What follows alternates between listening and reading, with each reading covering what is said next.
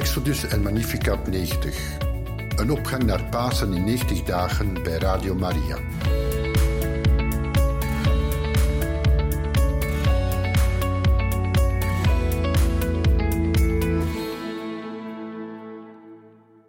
Beste luisteraars van Radio Maria, van harte welkom in het programma Exodus 90. Een geestelijke uittocht uit Egypte, een intocht naar het beloofde land. En starten we in gebed. In de naam van de Vader, de Zoon en de Heilige Geest. Amen. Heer, laat ons bidden voor ware vrijheid en verlossing van alle mannen in Exodus net zoals zij bidden voor elk van ons. Onze Vader, die in de hemel zijt, uw naam worden geheiligd, uw rijk komen, uw wil geschieden op aarde zoals in de hemel. Geef ons heden ons dagelijks brood, en vergeef ons onze schulden, zoals ook wij vergeven aan onze schuldenaren. En breng ons niet in beproeving, maar verlos ons van het kwade. Amen. Amen. Uit het boek Exodus. Gij moet voor de woning rechtopstaande schotten van acaciahout maken. Ieder schot moet tien el lang zijn en anderhalve el breed. Aan ieder schot van de woning moeten er verbinding twee tappen zitten. Voor de zuidkant van de woning moet gij twintig schotten maken. Onder de twintig schotten moet gij veertig zilveren voetstukken maken, twee voor elk schot, waar de beide tappen in passen. Voor de andere kant van de woning, dus voor de noordzijde, ook twintig schotten, met bijbehorende zilveren voetstukken, twee voor elk schot. Voor de achterkant van de woning, de westzijde, zes schotten Maak ook twee schotten voor de hoeken van de achterkant van de woning. Deze moeten uit twee haaks op elkaar staande delen bestaan. Zij lopen van beneden tot bij de eerste ring. Ze zijn bestemd voor de beide hoeken. Er moeten dus acht schotten zijn en zestien bijbehorende zilveren voetstukken, telkens twee voor één schot. Maak ook verbindingsbalken van acaciahout vijf voor de schotten van acaciahout, vijf voor de schotten aan beide zijkanten van de woning en vijf voor de achterkant, de westzijde van de woning. De middelste balk moet van de ene naar de andere kant midden over de schotten lopen. Overtrek de schotten met goud. Maak voor de balken gouden ringen en overtrek ook de balken met goud. Gij moet de woning maken volgens het model dat u op de berg is getoond.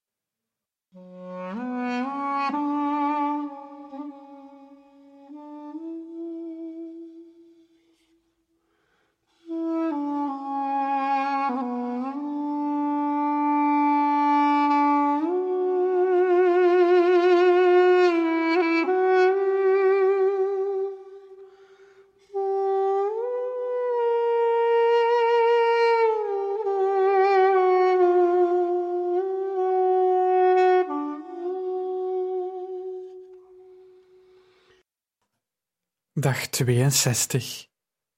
We zijn in de ruige bergwoestijn, aan de voet van de Sinaiberg. God leidt elk detail in de bouw van het heiligdom waar Hij van plan is te wonen. Hij geeft de nodige details om ervoor te zorgen dat de tent stevig blijft staan en elke vijandigheid kan weerstaan. Hij geeft leiding aan de constructie van de fundering en het frame om de uitgebreide overkapping te ondersteunen en om de ark des verbonds te huisvesten. Zo staat ook te lezen in de Bijbel in Psalm 127. Als de Heer het huis niet bouwt, te vergeefs zwoegen degenen die het bouwen. Dit moet het huis van God zijn en het moet door God en in overeenstemming met zijn plan worden gebouwd. Hetzelfde geldt voor ons als mensen. Ieder van ons is een huis van God. En dat betekent dat we door God en in overeenstemming met Zijn plan moeten worden gebouwd. Om de psalm te herformuleren, tenzij de Heer de mens bouwt, werkt Hij die ernaar streeft om zichzelf op te bouwen, te vergeefs.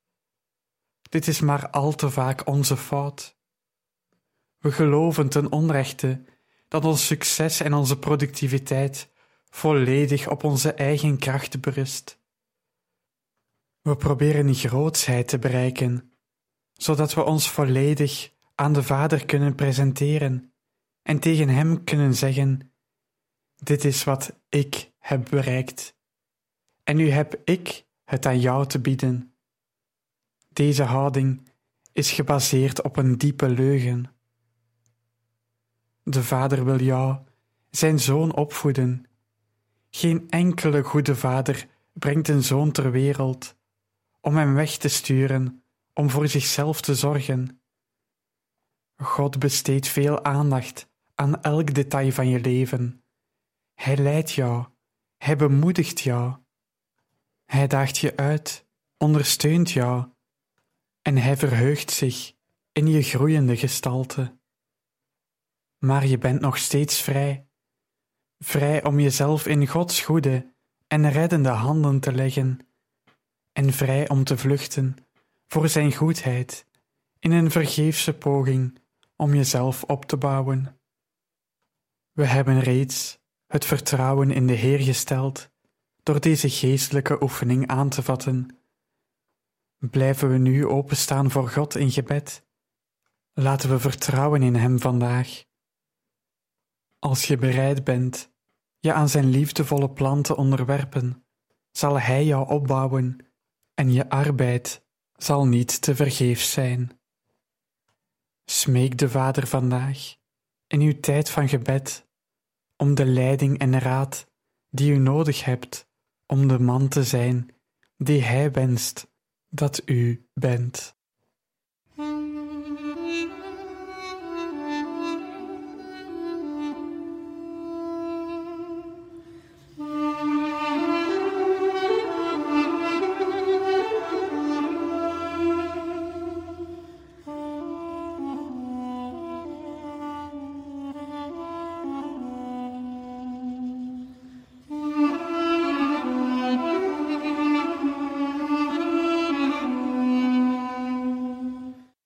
Waarom duurt traject 90, 90 dagen?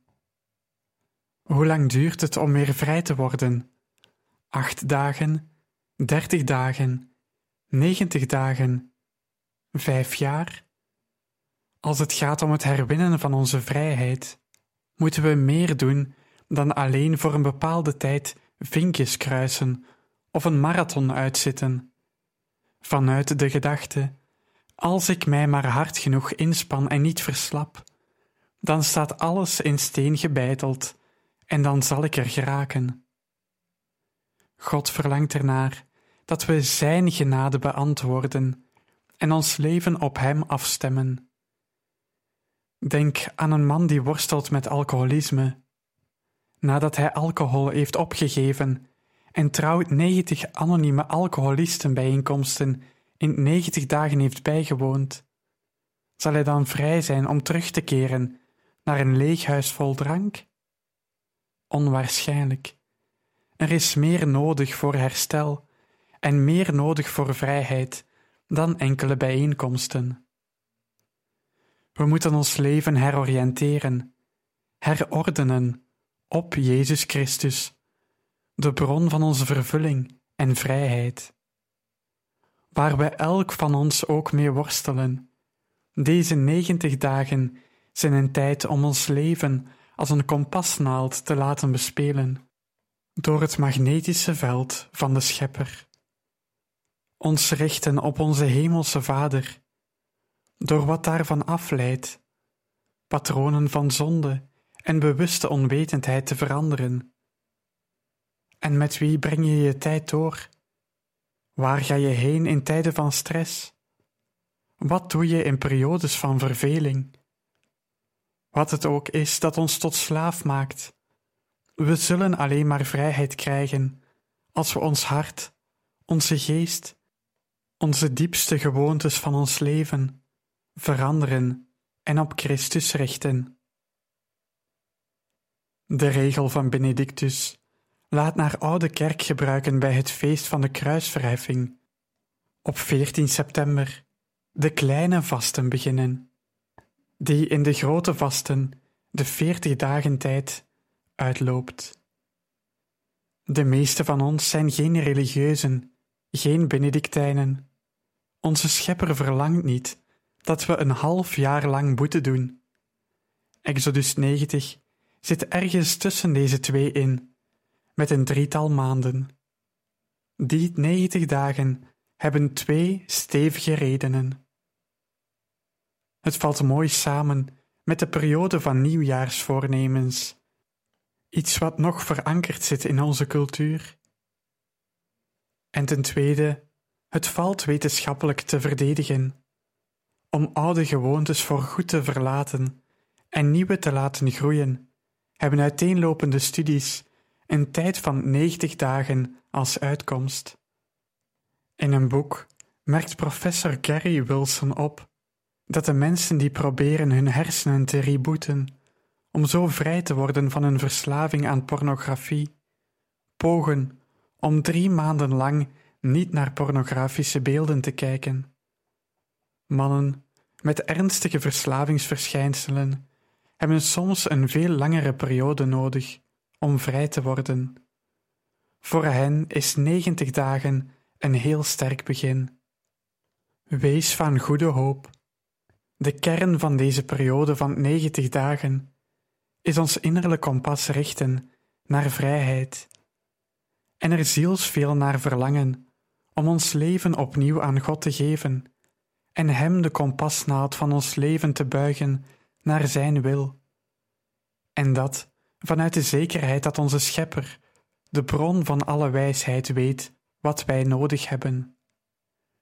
Christus routekaart van gebed, ascese en broederschap, benadrukt in Exodus 90, stelt ons in staat de genade te ontvangen die we nodig hebben om de vrijheid te verkrijgen, waarvoor God ons heeft gemaakt. Vertrouwen we op de apostel Paulus. In een van zijn brieven schreef hij: In vrijheid heeft Christus ons vrijgemaakt. Houd de stand en onderwerp u niet opnieuw aan het slavenjuk. Dit staat in de brief aan de Galaten, hoofdstuk 5, vers 1. Tijdens deze negentig dagen ontmoeten we onze Heer op een nieuwe of sterke manier. We zullen Christus routekaart naar vrijheid leren kennen. En als we Gods genade laten werken in ons kompas, zal het buigen van onze kompasnaald ons leven richten op wat echt belangrijk en blijvend is in ons leven.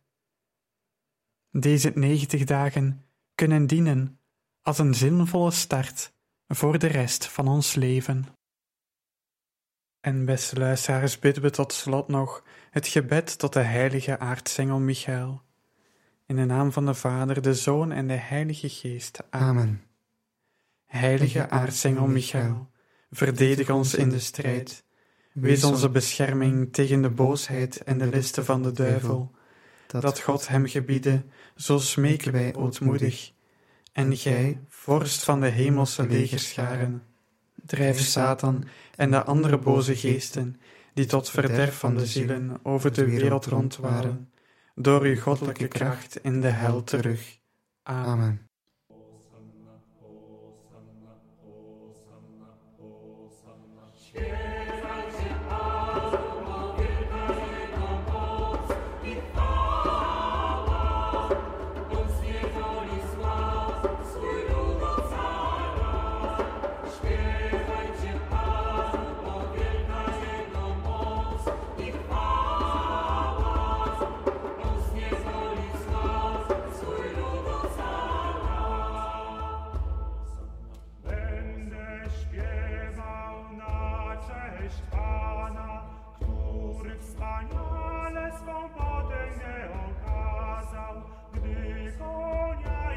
prześca pogrążył w morskiej przepaści.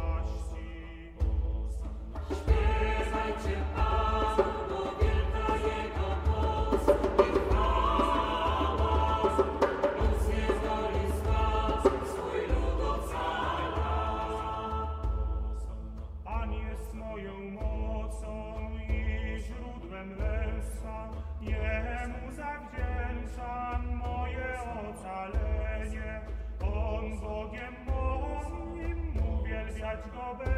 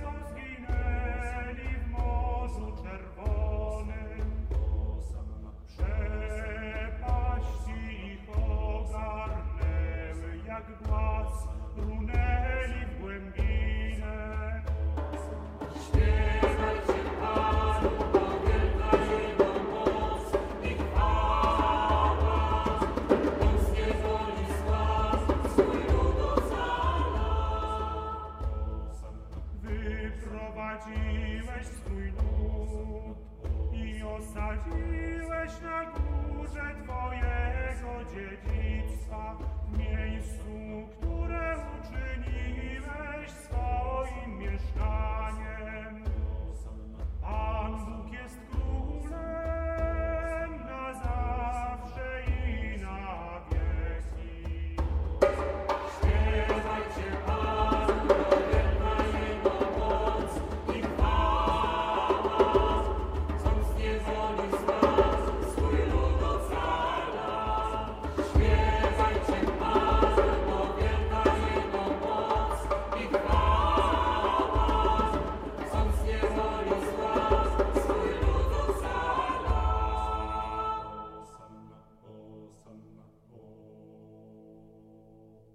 En zo, beste luisteraars van Radio Maria, beste deelnemers aan het traject Magnificat 90 en Exodus 90, zijn we aan het einde gekomen van deze aflevering. Als u deze aflevering wenst te herbeluisteren of de vorige of meer informatie wenst, neem zeker een kijkje op onze website radiomaria.be. En om deze uitzending af te sluiten, willen we graag nog even bidden. Onze Vader, die in de hemel zijt, uw naam worden geheiligd, uw rijk komen, uw wil geschieden op aarde zoals in de hemel. Geef ons heden ons dagelijks brood en vergeef ons onze schulden, zoals ook wij vergeven aan onze schuldenaren. En breng ons niet in beproeving, maar verlos ons van het kwade. Amen. Amen. Wees gegroet, Maria, vol van genade, de Heer is met u. Gezegend zijt gij boven alle vrouwen, en gezegend is de vrucht van uw lichaam, Jezus. Heilige Maria, Moeder Gods, bid voor ons arme zondaars, nu en in het uur van onze dood. Amen. Eer aan de Vader, en de Zoon, en de Heilige Geest, zoals het was in het begin, en nu en altijd, en in de eeuwen der eeuwen. Amen. De naam van de Vader, de Zoon, de Heilige Geest. Amen. We wensen jullie nog allen veel succes met het traject 90.